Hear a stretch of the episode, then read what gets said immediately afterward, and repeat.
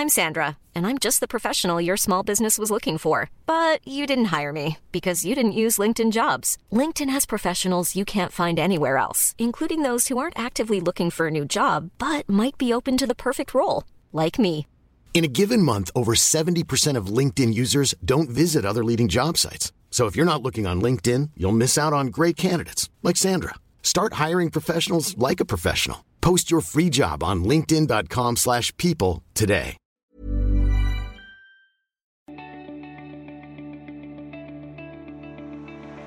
IG er en verdensledende finansmegler og et godt supplement til din trading. IG har en oversiktlig plattform der du får tilgang til 17 000 markeder. Det betyr at du kan investere globalt i aksjer, indekser, råvarer, valuta og kryptovaluta. Du kan åpne en konto på få minutter ved å laste ned appen eller besøke ig.com. Husk at handel med finansielle instrumenter alltid innebærer risiko.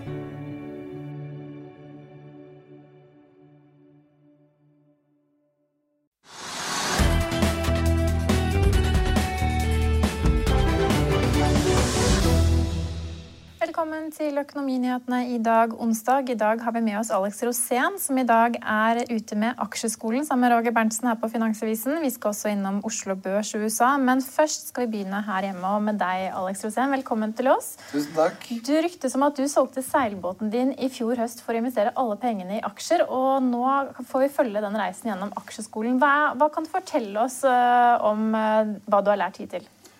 Jeg har lært veldig mye. Jeg har fått lov til å møte en veldig interessant fyr i Roger Berntsen. Han er nerd, og jeg elsker nerder. Og han har lært meg alt. Han har fått meg til å lese Benjamin Graham, The Intelligent Har, har du lest den? Jeg holder på. Du holder på. Ja, det er jo pensum. Men det, er jo en lang serie. da. Hvor mange eh, 18 kapitler skal vi ha? episoder? 18? Nei. Ja, jeg tror 18 det. det. Altså, det bare øker. For vi, vi, Vi vi, legger på stadig nye kapitler. Ja. ja, fordi vi filmet jo veldig mye. Ja. Og det ble bare mer og mer. fordi det som er så interessant med aksjer, er at det er en del av livet. Jeg er jo far. Og eh, når covid-19 angrep Norge, så mistet jo jeg veldig mange jobber. Fordi jeg jobber jo i showbusiness, og jeg kunne ikke ha noen mennesker i saler og etc. Og da var jeg nødt til å tenke hva gjør jeg nå? Nå må jeg tenke fornuftig. Og da hadde jeg en båt som jeg ikke hadde noe lån på. Og så plutselig så gikk disse brutbåtprisene til værs, og da fikk jeg solgt den og gjorde 500 000 på det. Da tok jeg 1 million og satte på høyrentekonto, selv om ikke det er så bra akkurat nå. Og så tok jeg resten og investerte. Og da investerte jeg 50 000 først, for jeg måtte jo være litt sånn uh, Forsiktig, ja, begynne sted, Ja, ja. ja. Og de investerte jeg i Tesla, fordi Sissener sa nemlig at eh, Tesla det må du shorte nå. Men da hadde jeg akkurat ferdig med den biografien om Elon Musk. Så jeg tenkte at eh, han må du jo ikke shorte, han må du jo investere i. Så jeg hoppet inn med de 50 000, og så ble de 500 000. Og det var en lykkereise. Og da tenkte jeg at eh, dette her er gøy. Dette Ja, her kan Jan- jeg drive med. Jan Petter Sissener han har jo fått tåle at Tesla har steget en del, selv om han har ment at man skal være short. Men altså 50 000 inn i Tesla, det var en fin start for deg. Mm. Men har du gått på noen bommerter hittil eh, i din aksjekarriere? Ja, masse. Det er jo veldig lett å gjøre det. For eksempel så investerte jeg i Play Magnus, fordi jeg er veldig glad i Magnus Carlsen og har lyst til å investere i han. Det gikk jo da nedover. Eh, og den går vel nedover ennå. Den gikk kanskje litt opp i dag, men eh, veldig mange feil. Jeg Har du aksjen, da, eller har du solgt den? Nei, jeg har beholdt den. Du har beholdt den, ja. Ja, fordi jeg tenker det at Eller altså, jeg har solgt litt av den, og så reinvestert noe av det, men jeg har beholdt noe. Og Tesla-aksjen? Ja, Den har jeg både solgt og kjøpt om hverandre. For den solgte jeg egentlig i romjulen. Fordi da gikk den veldig høyt opp. Og så begynte den å gå litt nedover, og da tenkte jeg at nå må jeg selge den. Men så gikk jeg jo inn i Tesla igjen, da, når det falt litt. Jeg har lært litt av Roger Berntsen. Må ta, må ta litt gevinst underveis og, og kjøpe på fall? Er det det som er eh, taktikken? Nei, fordi det er- kommer vi jo inn på også i eh, aksjeskolen.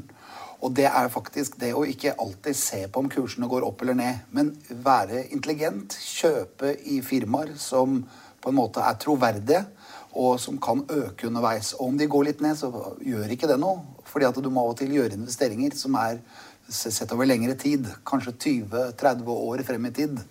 Og det er sånn jeg har lært av Roger Berntsen å, tenke. Og jeg er blitt utrolig glad i han, fordi han har for- fortalt meg veldig mye om hvordan være fornuftig i det å handle aksjer. Men du, nå skal jeg teste deg litt. For å koble litt i dagens marked og sånn også. Eh, Vi har et sånt seismikkselskap som heter PGS. Har du hørt om det? Ja. Jeg har lest om det. Ja, Og de falt litt i dag. 6-7 eller sånn. Vet du hvorfor? Nei. Ja, det burde du vite. Ja. Jeg vet det. Jeg burde være Nei, informert. nei, men det er ganske morsomt, fordi at, fordi at de er, PGS er et seismikkselskap. Og de lever av da å finne hva slags olje- og gassforekomster som er under havflaten. ikke sant? Reiser rundt, rundt med masse båter og finner ut det. Og så selger de opplysningene om da hvordan det ser ut i undergrunnen, til oljeselskaper og andre som er interessert. Det er det de driver med. Samler inn og selger. Men det kom en nyhet i går, vet du. Fra, fra, fra Det internasjonale energibyrået, IEA, som sa det at Norge måtte slutte å dele, dele ut flere letelisenser og slutte å lete etter olje og gass. Sa de. Ja. Og masse norske politikere sa at det er kjempebra at de sier det. Ja. Norge skal ikke lete etter flere olje- og gassfelt etter 1. januar neste år. Og hva da? Da går jo da seismikk ned. Ja. Ingen som trenger da seismikk lenger, ikke sant? Så da går aksjekursen ned. Men det kan jo forandre seg med en gang de finner ut at de skal finne det, må- olje. men mitt, mitt poeng er at det er, ganske, det er sammenheng mellom liksom verden man er i, og politi, politikerne sier. Ja. Så det får da innflytelse også på da næringslivet med en gang. For PGS er det egentlig dødt egentlig i fremtiden hvis da regjeringen går inn for det. Men kommer ikke regjeringen til å gå inn for det. Ja, for dette var jo for å nå dette klimamålet, ikke sant? ja, ja, men altså, de kom, da, da Da trengte man ikke å lete noe mer etter olje. Nei, De anbefalte at man nå. ikke skulle dele ut noen konsesjoner. i det Ja. hele tatt, ikke sant? Og da har man heller ikke behov for PGS. Og kanskje har man heller ikke behov for olje og gass fremover, fordi man får ikke lete etter, eller hva vet jeg. Mm. Så det er en sammenheng mellom da det som skjer på børsen akkurat nå, og politikk, Ja. og internasjonale miljøkrav osv. Og, og da sank aksjekursen på EPG med en gang i dag. Men i dag så Det er kunne man forutsett i går. Men i dag så er også Oslo Børs ned 1,3-1,4 Alex. Hvordan, hvordan føles det på kroppen da? Blir du nervøs, eller sitter du liksom iskaldt og bare Det faller i dag, men Ja, jeg blir jo veldig nervøs. Jeg kjenner jo det inni meg. Men jeg har lært av Roger Berntsen å ikke bli det. Du blir ikke nervøs av 1 Nei. 1 Ja, nei, men det er noen som gikk litt mer òg, da. Ja. Men jeg vet at du har også, i tillegg til Tesla, så vet jeg blant annet at du har gjort noen andre aksjekjøp. Eh, Nordic Semiconductor. Den er jo opp 10% hittil i år. Ja, den har jeg tjent litt penger på. Ja. Men den har jeg også tenkt å investere i på langsiktig. Den, Ja. eh, den skal være fremover i tid. Er, er det lov å si at altså Roger Berntsen er en langsiktig type. Det vet vi når vi har han som gjest. Det er de samme aksjene som går igjen. Og vi prøver å liksom hinte på om det er noen nye aksjer på veien, men stort sett så er det ikke det. Og han følger jo Warren Buffett, som også har langsiktige briller. Men sånn umiddelbart når man møter deg, Alex, så, så slår du meg som en litt sånn derre eh, Hva heter det for noe? Impulsiv type, da. Ja, er er du impulsiv også i aksjemarkedet? Nei. Nei. Det er det er bra å høre, altså. Ja, jeg er ikke det. Men jeg er en im im impulsiv type. Ja, det da, vet jeg. da, da går vi videre til dagens, dagens aksjekurser. Har du bitcoin også? Ja. Du har bitcoin, ja? ja, jeg har Lightcoin, og så er jeg står, hva, Dogecoin. hva står bitcoin i nå? Nå står den kanskje i 40, litt over 40 Ja, 000. Ja, 38. Jeg falt 10 i dag. Å nei da, den er nede på 31 000 akkurat nå. Er det? 31. Yes. Wow. Ja, 38 Ja, i dette er formiddag. Da- da- Den var jo på det meste oppi i 55. Og, og da Nei, kan, nei, og da nei, kan jeg spørre dere til hvor 60. mye har Ethereum falt Nei, i dag? nei, nei, det er en, en av gangene her. For at bitcoin er det på 31 000 dollar per enhet. Altså Den var jo 38 i formiddag, så det er 38 000. Og men den har vært i 63. Ja. Så det har vært i 60, Visste du det? Nei, jo, eh, jeg visste at den var i 55 var den når jeg kjøpte den. Nå har den rettet litt. Ja, men, Alex, men poenget er at jeg har fått en del sånne sure kommentarer på vårt program. Vi har vært litt kritiske til bitcoin. Vi har ikke vært kritiske til bitcoin som sånn i produkt eller nyhet eller et eller annet som kunne bli noe. Det jeg har sagt her en 10-15 ganger i studio, er at bitcoin er livsfarlig. For at svingningene er for store. Du, kan, du tror du har fått en bit Jeg må bare si at den er oppe i 35 000 igjen. Ja, ja, ok. Da, Ja. Men, Det svinger ekstremt fort. Ja, Jeg har sagt mange ganger, og det er liksom folk da, noen har hørt det, noen har ikke skjønt det, men at det, det svinger så stort at vi kan ikke gi noe råd om det.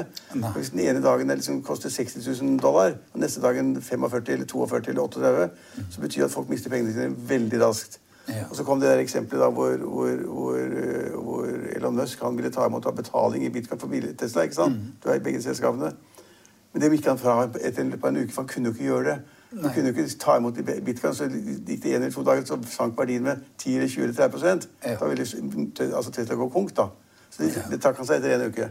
Men i alle fall så er det, de svingningene er så store at det bør man ikke være. Men du er der likevel. Ja, jeg er der litt, men jeg har råd til å Det er tape ikke de lite, pengene. grann hvis du kjøper for 55 000. Nei, nei det var, den var verdt 55. Jeg har ikke kjøpt Nei, jeg har vel bare kjøpt for noen tusenlapper. Ja, for være på hvilken, hvilken kurs for bitcoin?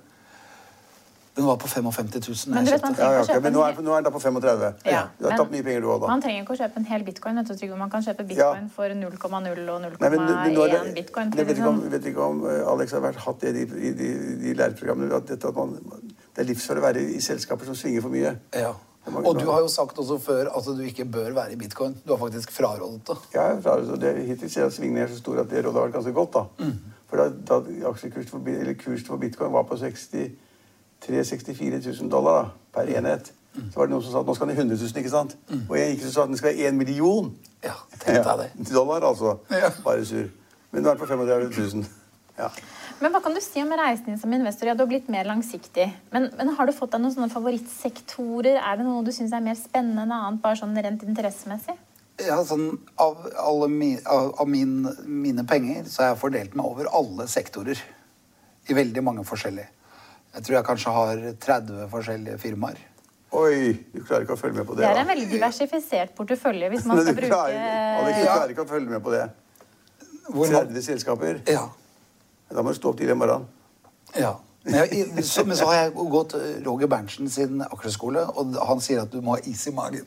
Du må ikke stå opp så tidlig om morgenen. Du må egentlig ha investert i ut ifra fornuftige prinsipper om at disse firmaene kommer til å Men penger. jeg trodde at Roger var den samme filos- filos- filosofien som meg. At det gjaldt ikke ha så veldig mange selskaper. Han har liksom litt laks og litt sånt annet, og, og så sitter han med det samme hele tiden. Ja, han sitter med Movi, Tomra I hvert fall Movi og Tomra og Berkshire Hathaway. Men jeg tror ikke han har mer enn fire-fem selskaper. Så da, når du da er 30 Ja, men fordi at jeg har solgt noen og kjøpt noen, og så jeg, når jeg først selger de, så vil jeg ikke selge alle. Så jeg sitter igjen med masse sånne Du sitter med masse småposter. småposter, altså. Ja, så jeg må kanskje rydde opp. Det lærer du av. Det er bra, det. Ja.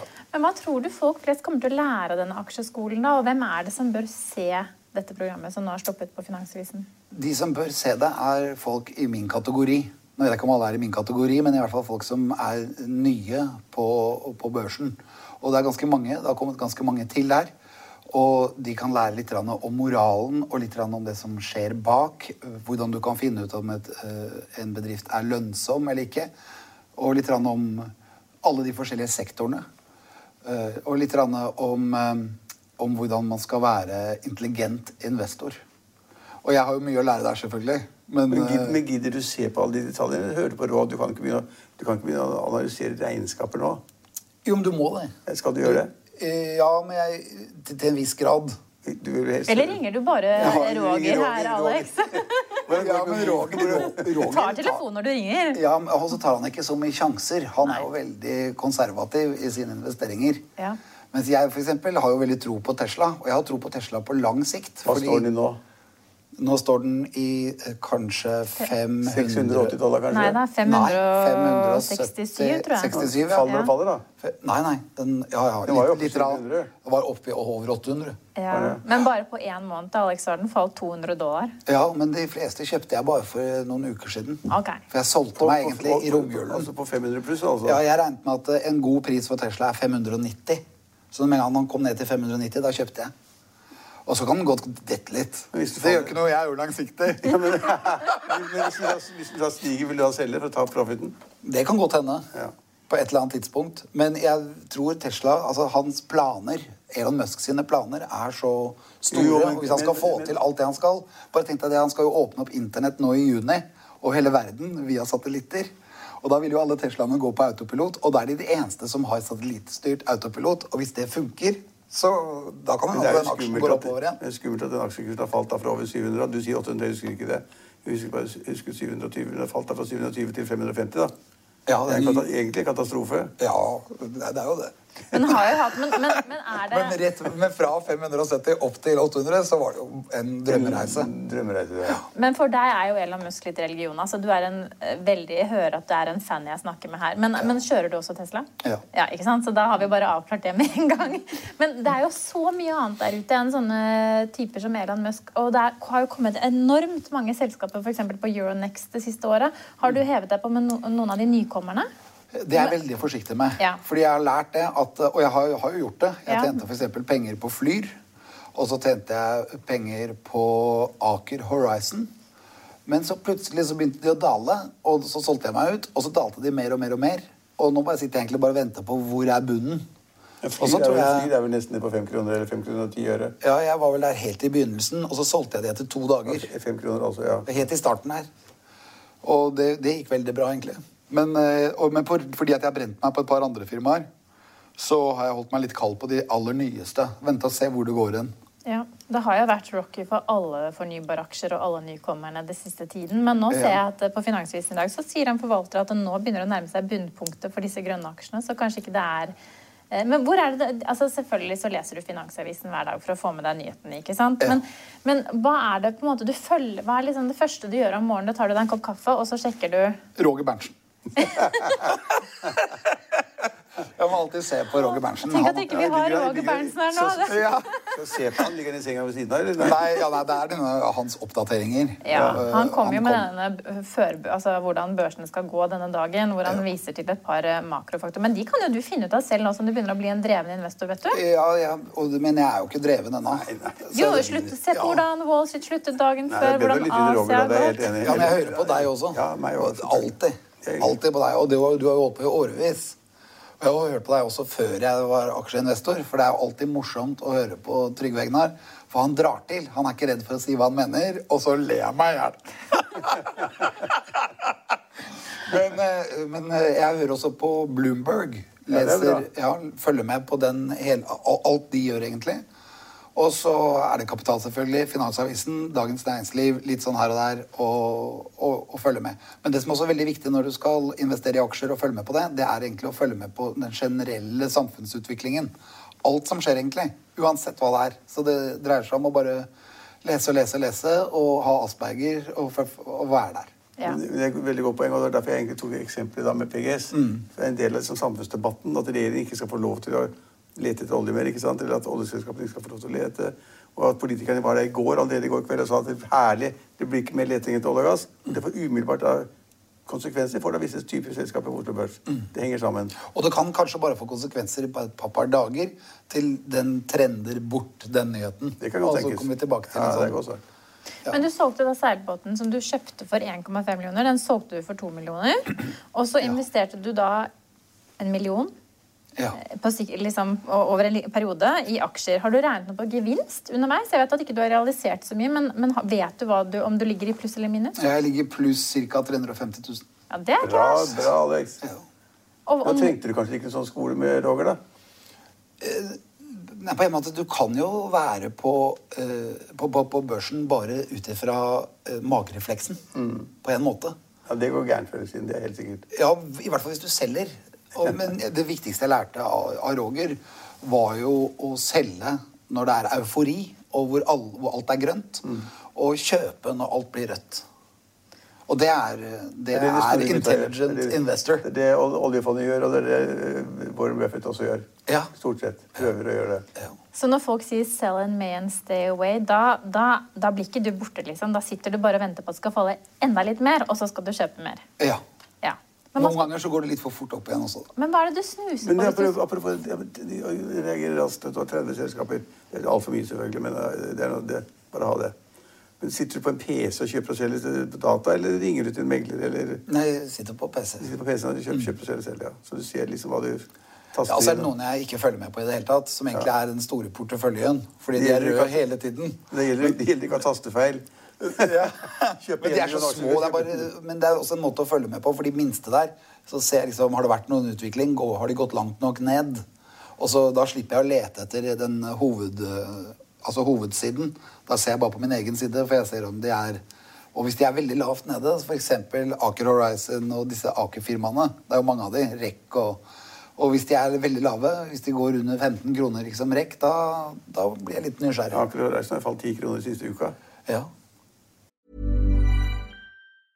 Hiring for your small business? If you're not looking for professionals on LinkedIn, you're looking in the wrong place. That's like looking for your car keys in a fish tank.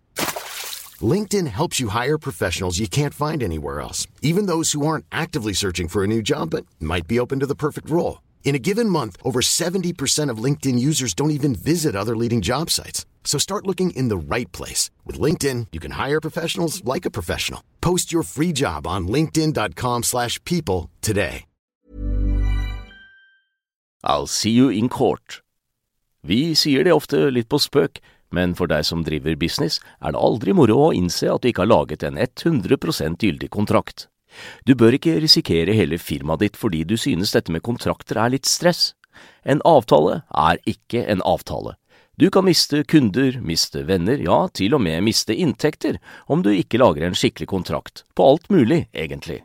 Men vi vet det er et styr. Kopimaskiner, tregprinter og haugevis av papir.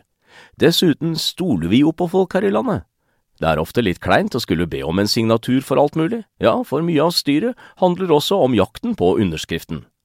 Det finnes en enkel måte å løse dette på, Dukkobit, en trygg, effektiv og get this, gratis måte å sikre seg en god natts søvn pluss en juridisk bindende avtale. Dukkobit-appen har de strengeste sikkerhetskrav i bunn, samt en EU-godkjent og sertifisert teknologi. Framover vil det bli behagelig å spørre du, skal vi skrive under på det, eller? Kom i gang på dukkobit.no. Skummelt, det. Men det, det, igjen så har jeg en veldig liten post der. Men plutselig så liker jeg-. Men så pleier jeg også Ja, men jeg, jeg, jeg blir skremt, men jeg har lært av Roger å ha is i magen. Men jeg ser alltid i starten, når jeg kastet meg på dette her, så så jeg alltid på, hvor, på, på de røde sidene. De som hadde tapt mest. Og alltid det. Fordi de tenkte jeg kunne kjøpe. Sånn hvis, eh, men jeg har jo brent meg der, selvfølgelig, for noen av de har jo gått konk. Ja, det er, det er jo litt kjedelig. Ja, Så da, så da står det Oslo Børs er stengt hele tida. Og så lurer du på hvor den aksjen ble av. Og Ja, den så jeg har et par av de, men det er noen av de jeg har tjent penger på. Men, men som en sånn uh... Vi, vi, vi- vi skal jo være med der ganske lenge, da. 13, 14 eller 15 kapitler. ikke sant? I, i Finansavisens regi og sånn. Føler, føler du liksom at det er progresjon fra de første eh, timene med Roger til på slutten av sendingen? Er du vesentlig bedre på slutten? Ja, jeg føler at jeg har lært veldig mye. Men jeg føler at jeg, er vel- at jeg foreløpig ikke er fullstendig utlært. Altså, jeg har masse mer å lære. Jeg sier som Sokrates, det eneste jeg vet, er at jeg ikke vet. Ah, bra. Ja, men, ja, men det har litt med denne, med, med denne utviklingen å gjøre. Ja. Så jeg føler at vi kan lage mange flere programmer, fordi det er så mye mer å snakke om. Og det er jo en grunn til at du har sittet her i 30-40 år, ikke sant? Det er jo fordi at du Og vel så det. ja, ja, men at du har jo masse å, å fortelle, og det er liksom alltid en, en måte å se dette på. Og det er veldig interessant. Altså, jeg bruker masse tid hver eneste dag, men ikke alltid, for at jeg har jo andre jobber også som jeg må gjøre. Men da plutselig så er, er telefonen borte, og så får jeg ikke fulgt med, og da, da angrer jeg på det. For at dette er jo en jobb. Du kan jo holde på med, med børsen hele tiden. Men Eline var helt til å begynne med i programmet inne på dette der med shorting og Jan, Jan Petter Sissen osv. av Tesla. Har du shortet aksjer også? Nei, jeg har ikke turt. Nei, det er bra, for det er, det er også kjempespennende. Og det, men plutselig så er hele egenkapital borte. Du går opp istedenfor ned, ikke sant? Ja. Og så er det ferdig. Ja. Den sjansen har du ikke tatt. Nei. Det er bra. Men det er en annen aksje Trygve og jeg har diskutert mye den siste tiden. Det er jo også Kahoot. Har du vært med på Kahoot? øh, Ja, jeg har faktisk kjøpt meg opp i Kahoot helt til det siste. Å, ja. For nå syns jeg den er veldig lav i forhold til hva den var. Den var jo oppe i 120 Ja, ja. 125 Ja. eller noe. Og, og så Nå er den i 55 eller noe sånt. Ja, og så nå har jeg kjøpt. Nå har du kjøpt, ja. Ja. Jeg tror at Så da har, vi, da har vi en som har solgt på topp, og en som har kjøpt på bunn. Ja, for- men jeg har veldig tro... Ja, du har jo solgt Kahoot, du, faktisk. På topp. ja, det var, ja. Nær, Gans, nær topp. ganske Det langt var- det var øh, opp til topp, da. var Ja. Ja, Men- men, jeg har tjent to ganger har jeg tjent penger på Kahoot. Og, men jeg har troen på det de, de driver med. Eh, De har en bra ledelse, de har en bra idé. Eh, Det er ikke bare fordi Thomas Giertsen er med, altså. Jo, men det også syns jeg er hyggelig. Jeg vil jo gjerne være med han. Han, han er jo flink til å tjene penger, han. Er, han er faktisk det. Ja. I eiendom og aksjer. så ja, men, Men det, at du tør Ja, ja, ja da. Ja, men jeg Men tror Trygve- den er veldig underpriset nå. Jeg tror Kahoot plutselig kan løfte seg igjen. Men Trygve, du har jo en sånn læreregel om at det er en historie om at alle milliardærer har solgt For tidlig. for tidlig. De, alle de store milliardærene har alltid solgt for tidlig. Ja. Det ligger i det at man, det ligger i det at liksom da man fleiper med dem. ikke sant, De selger. Så går det kanskje ikke så bra, så har de solgt og tjent sine penger. Og så har man kanskje lagd et mål at ja, det, det jeg var i Kahoot, og det var veldig kort, da. Så, så gikk det liksom opp 50% på noen uker. Da tenkte jeg så- sånn, skal, ikke- sånn er ikke verden. Så lett er det ikke å tjene penger. Så da solgte vi. Dette må ha vært rett før jul, det. Ja, det var mellom ja. oktober og desember et sted. Ja. Skal, det er ikke så lett, men hvis det blir så lett, så må man bare ta gevinsten og løpe. Selv om det er et godt selskap, selv om det er en god ledelse, og selv om det er et godt konsept.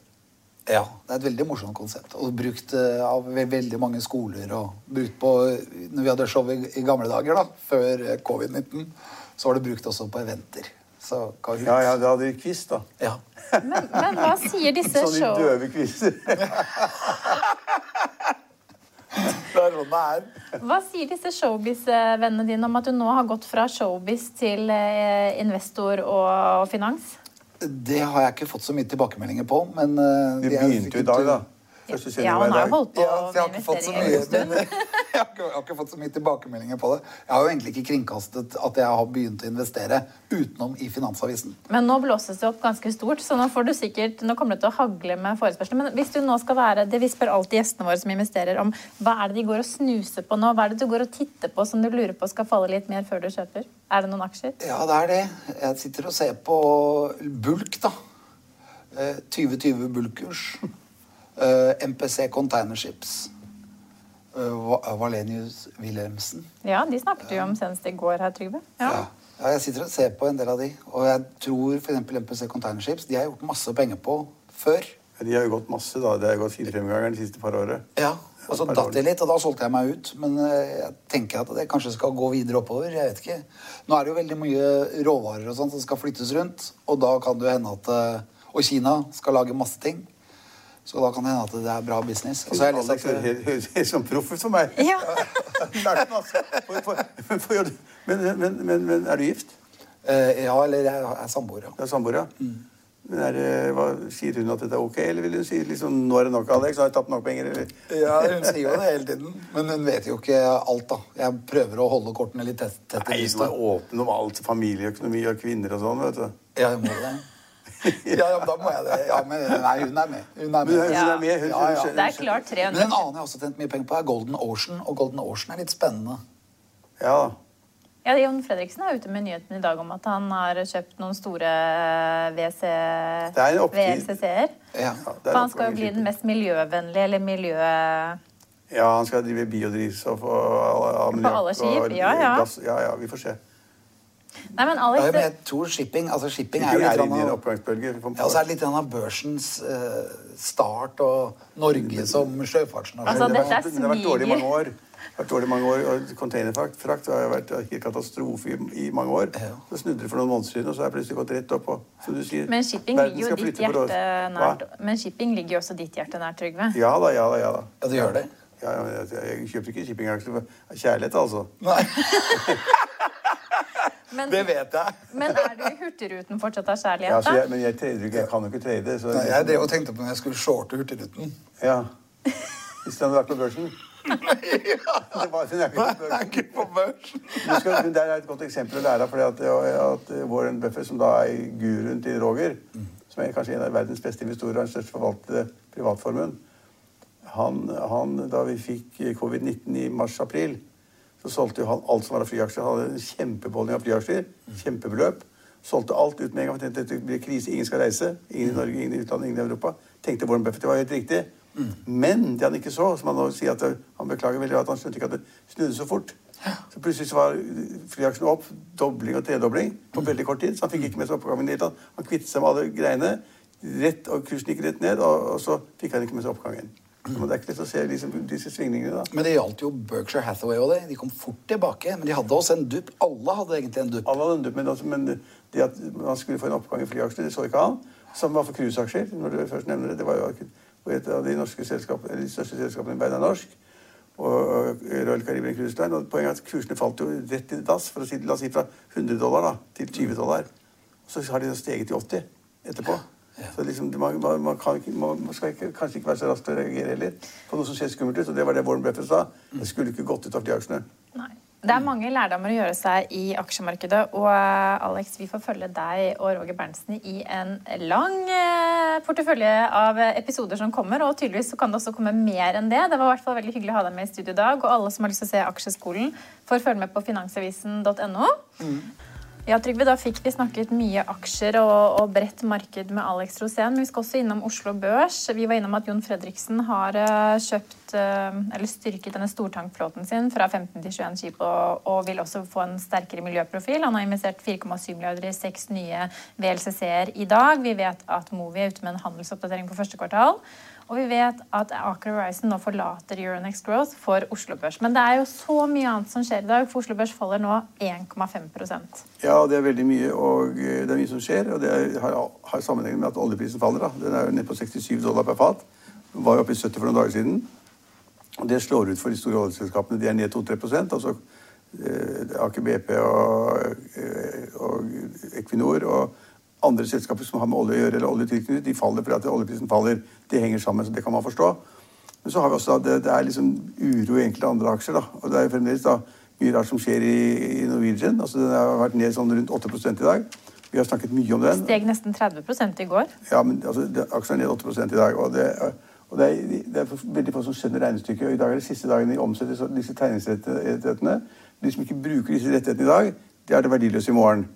Og de som da har aksjer som de skal tegne, de som har rett til å tegne aksjer, da, de, de, skal man betale 626 øre for. Og så måtte man ha én rett. Og den retten i dag havnet fortsatt rundt 7 kroner. Så en aksje til 6 kroner 26 øre pluss da en rett til litt over 7 kroner, det er 13-14 kroner. Eh, for det man da må betale for en aksje. Men på Oslo Børs kan du få en aksje for 25 eller 26 kroner. Ja, der er stemningen helt annerledes. Det ja. du, har du rett i. 25 kroner og 70 øre står ja, Norwegian. Ja, Regnestykket stemmer jo ikke. så Det er liksom enda da uklart hvor mange aksjer som kommer inn i markedet, hvor mye som kommer av nye aksjer, hva som blir av konvertering av gammel gjeld til aksjer, emisjon, til mot, rettede, altså emisjon, emisjon mot bestemte personer og selskaper. Så ingen vet hva som skjer, men det er helt, det er helt crazy. Så det er crazy da, at du kan få kjøpe en aksje da, i dag hvis du bruker retten for 13 eller 14 kroner. Det du, kan du gjøre helt fritt. Og du går på børsen og kjøper den samme aksjen i 25 kroner. Det stemmer jo ikke. Så det, det får vi ikke svar på før kanskje på fredag eller neste uke eller uken deretter. Hvor alt, alt i denne pakken er liksom tatt satt sammen, og man skjønner hva det går om. Uh, og Da får man en helt annen prising av Norwegian. Så det er ganske morsomt. Det er litt skummelt å, å se på. Så har vi også da en, en av trappene på Oslo Børs har vært Kvantafjord. Som vi snakket om i går. Ja, som er, skummel, fordi at de, de, skal drive med en produksjon som ikke alle forstår. Hvor man skal ta da gamle plastposer som de samler inn rundt om i, i Danmark og Norge, eller hvor det måtte være. Og gjør de den gamle plastposen om til olje. Det er liksom litt skummelt. og det er, ja, det Aksjen er 40% siden årsskiftet. Ja, og akkurat det. Og er, den er på 33-34 kroner. Og det er like før den tipper under 30 kroner. Og vi husker jo det at da konsernsjefen og, hoved, og, og uh, initiativtaker til selskapet, Kjetil Bøhn, han solgte jo masse solgte aksjer for 60 millioner kroner. Jeg husker ikke akkurat hva kursen var, men det var kanskje 50 kroner eller rundt der. Det var vel tidlig i fjor høst? Han... Ja, men han, ja, han solgte, men han fikk jo da liksom betalt studiegjelden sin og billånet sitt og huslån og alt mulig. Vi fikk en gjeldfri bolig, og det var kjempefint. Men siden de har aksjen falt og falt og falt, og vi sa jo den gangen at det var et veldig dårlig signal at han solgte aksjer. For hvis han hadde veldig tro på selskapet, så ville han selvfølgelig lånt pengene og fått med seg oppgangen på aksjene. Men siden det så har jo aksjen falt. Så kanskje var han da veldig god til å se inn i fremtiden. Kanskje skjønte han at det ville bli usikkerhet. Kanskje skjønte han at det ikke ville tjene penger. Det ikke vet jeg, men altså, aksjen har falt hele tiden. Det er ganske skummelt. Så har vi Kahoot, som vi nevnte litt tidligere i sendingen. her når vi snakket med Alex Rosén, Men Kahoot faller nesten 3 eh, i dag. Og der har jo Vi har snakket mye om Jan Herman Andersen. Det er på 55 eller 54 eller Skal vi se her, da. Da må du gi meg et lite øyeblikk, for den ligger ikke helt øverst på listen min. Men, eh, men før vi tar akkurat hva Kahoot står i, så kan vi i hvert fall nevne at uh, våpendrageren til Johan Hoan Nei, jo, jo, Hjelp meg her.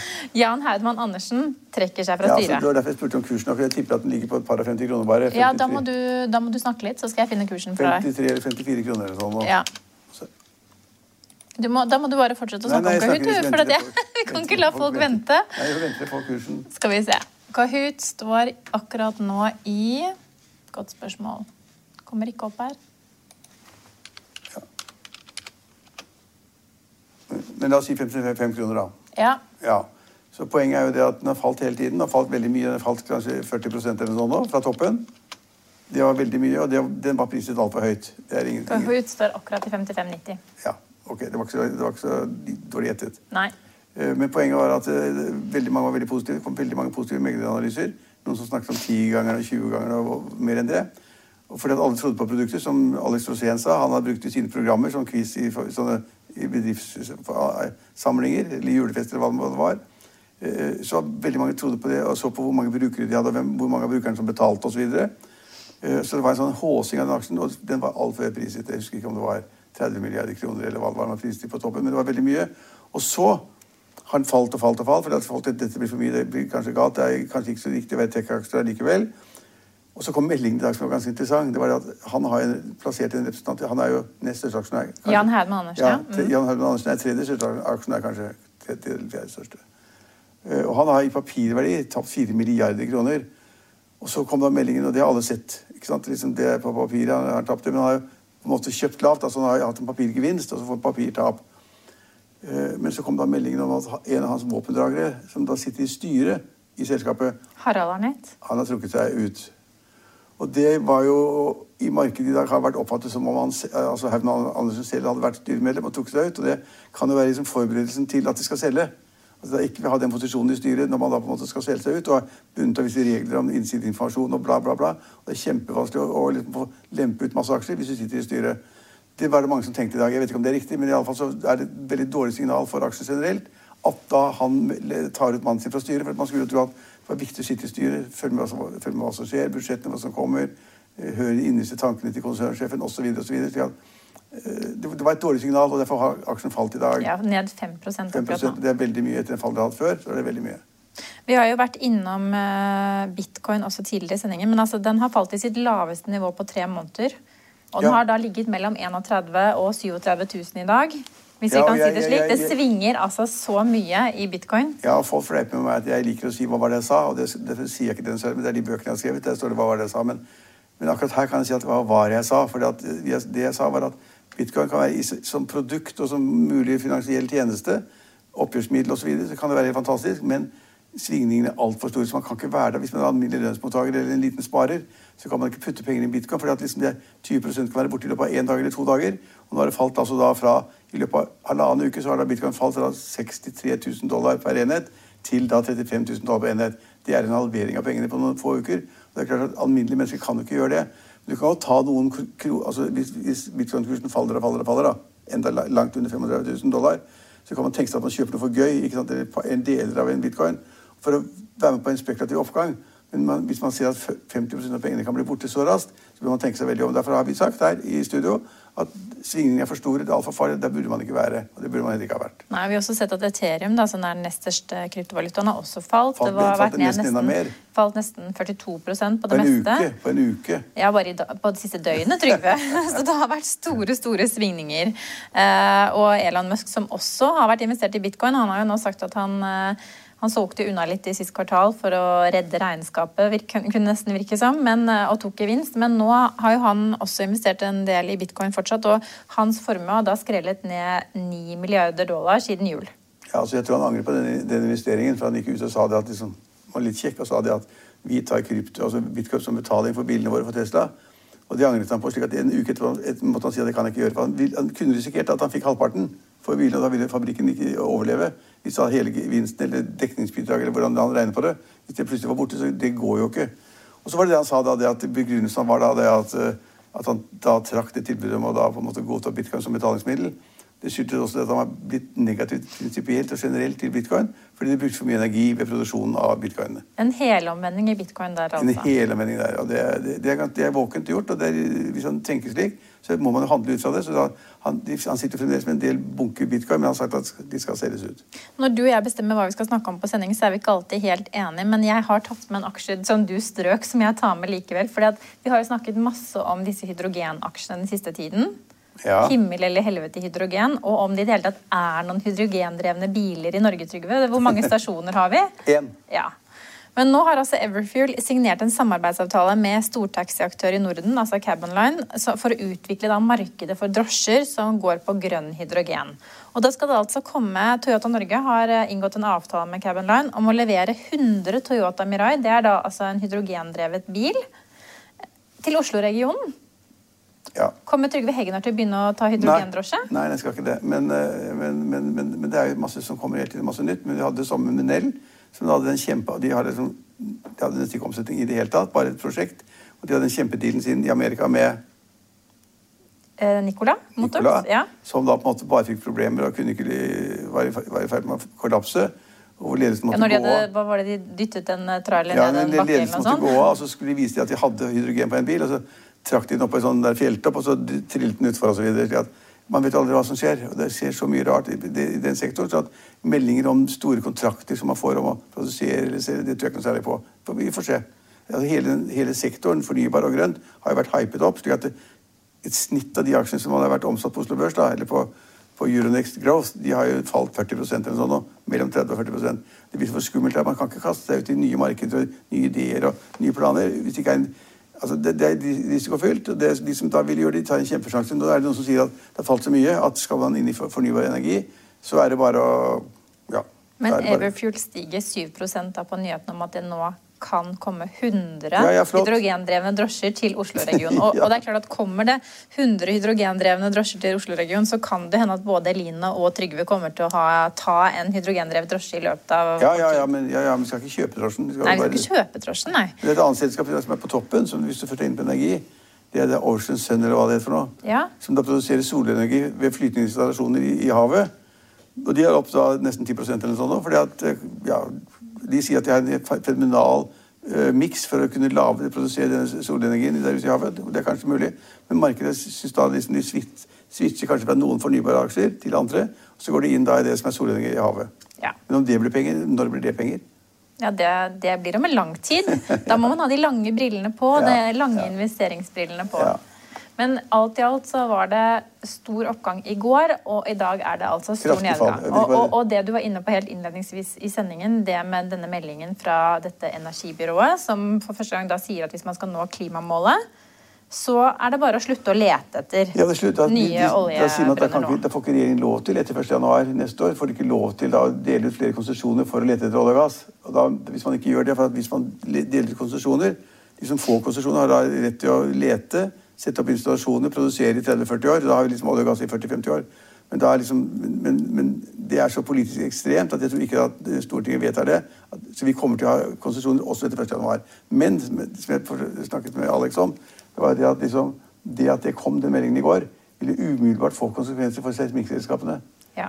Så, så liksom, politikk, næringsliv og da effektene på Oslo Børs var rimelig klare for meg. At Ja, PGS ville falle, og den falt. Og Oslo Børs har jo, er jo vært kjent for å være en oljekorrelert ja. eh, børs. Vi, vi Så når vi ser dette oljeprisfallet, dette slutt å lete etter oljesignalet, Ja, men- men- så er det ikke rart at vi får et fall i dag. Nei, og PGS-aksjonærene de vil tenke liksom, hva er dette for noe? liksom? Vi skal vi ikke lete etter olje og gass lenger. Og da er jo de skivene null verdt.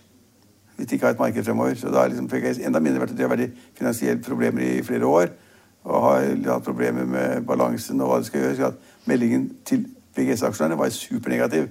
Og det er også noe å lære av. Politikk og børs henger sammen. Ja, Det er bare å følge med på økonominyhetene si. Ja, sammen med Alex. Ja, Før vi avslutter sendingen, så tar vi med oss utviklingen i USA. Og på Wall Street akkurat nå så er stemningen helere også der. Vi ser at Dow Jones faller 1,6% mens Nasdaq er ned 1,4 Vår sending er tilbake i morgen klokken 15.30. Følg med oss igjen da.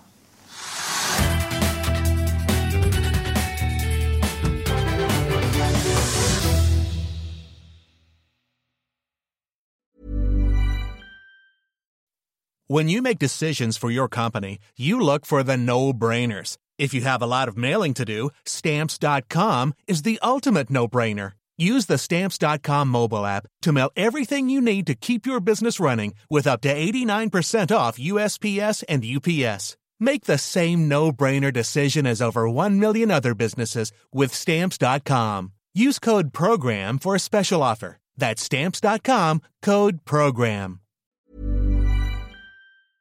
Økonominyhetene er en podkast fra Finansavisen. Programledere er Marius Lorentzen, Stein Ove Haugen og Benedikte Storm Bamvik. Produsenter er Lars Brenden Skram og Bashar Johar. Og ansvarlig redaktør er Trygve Hegnar.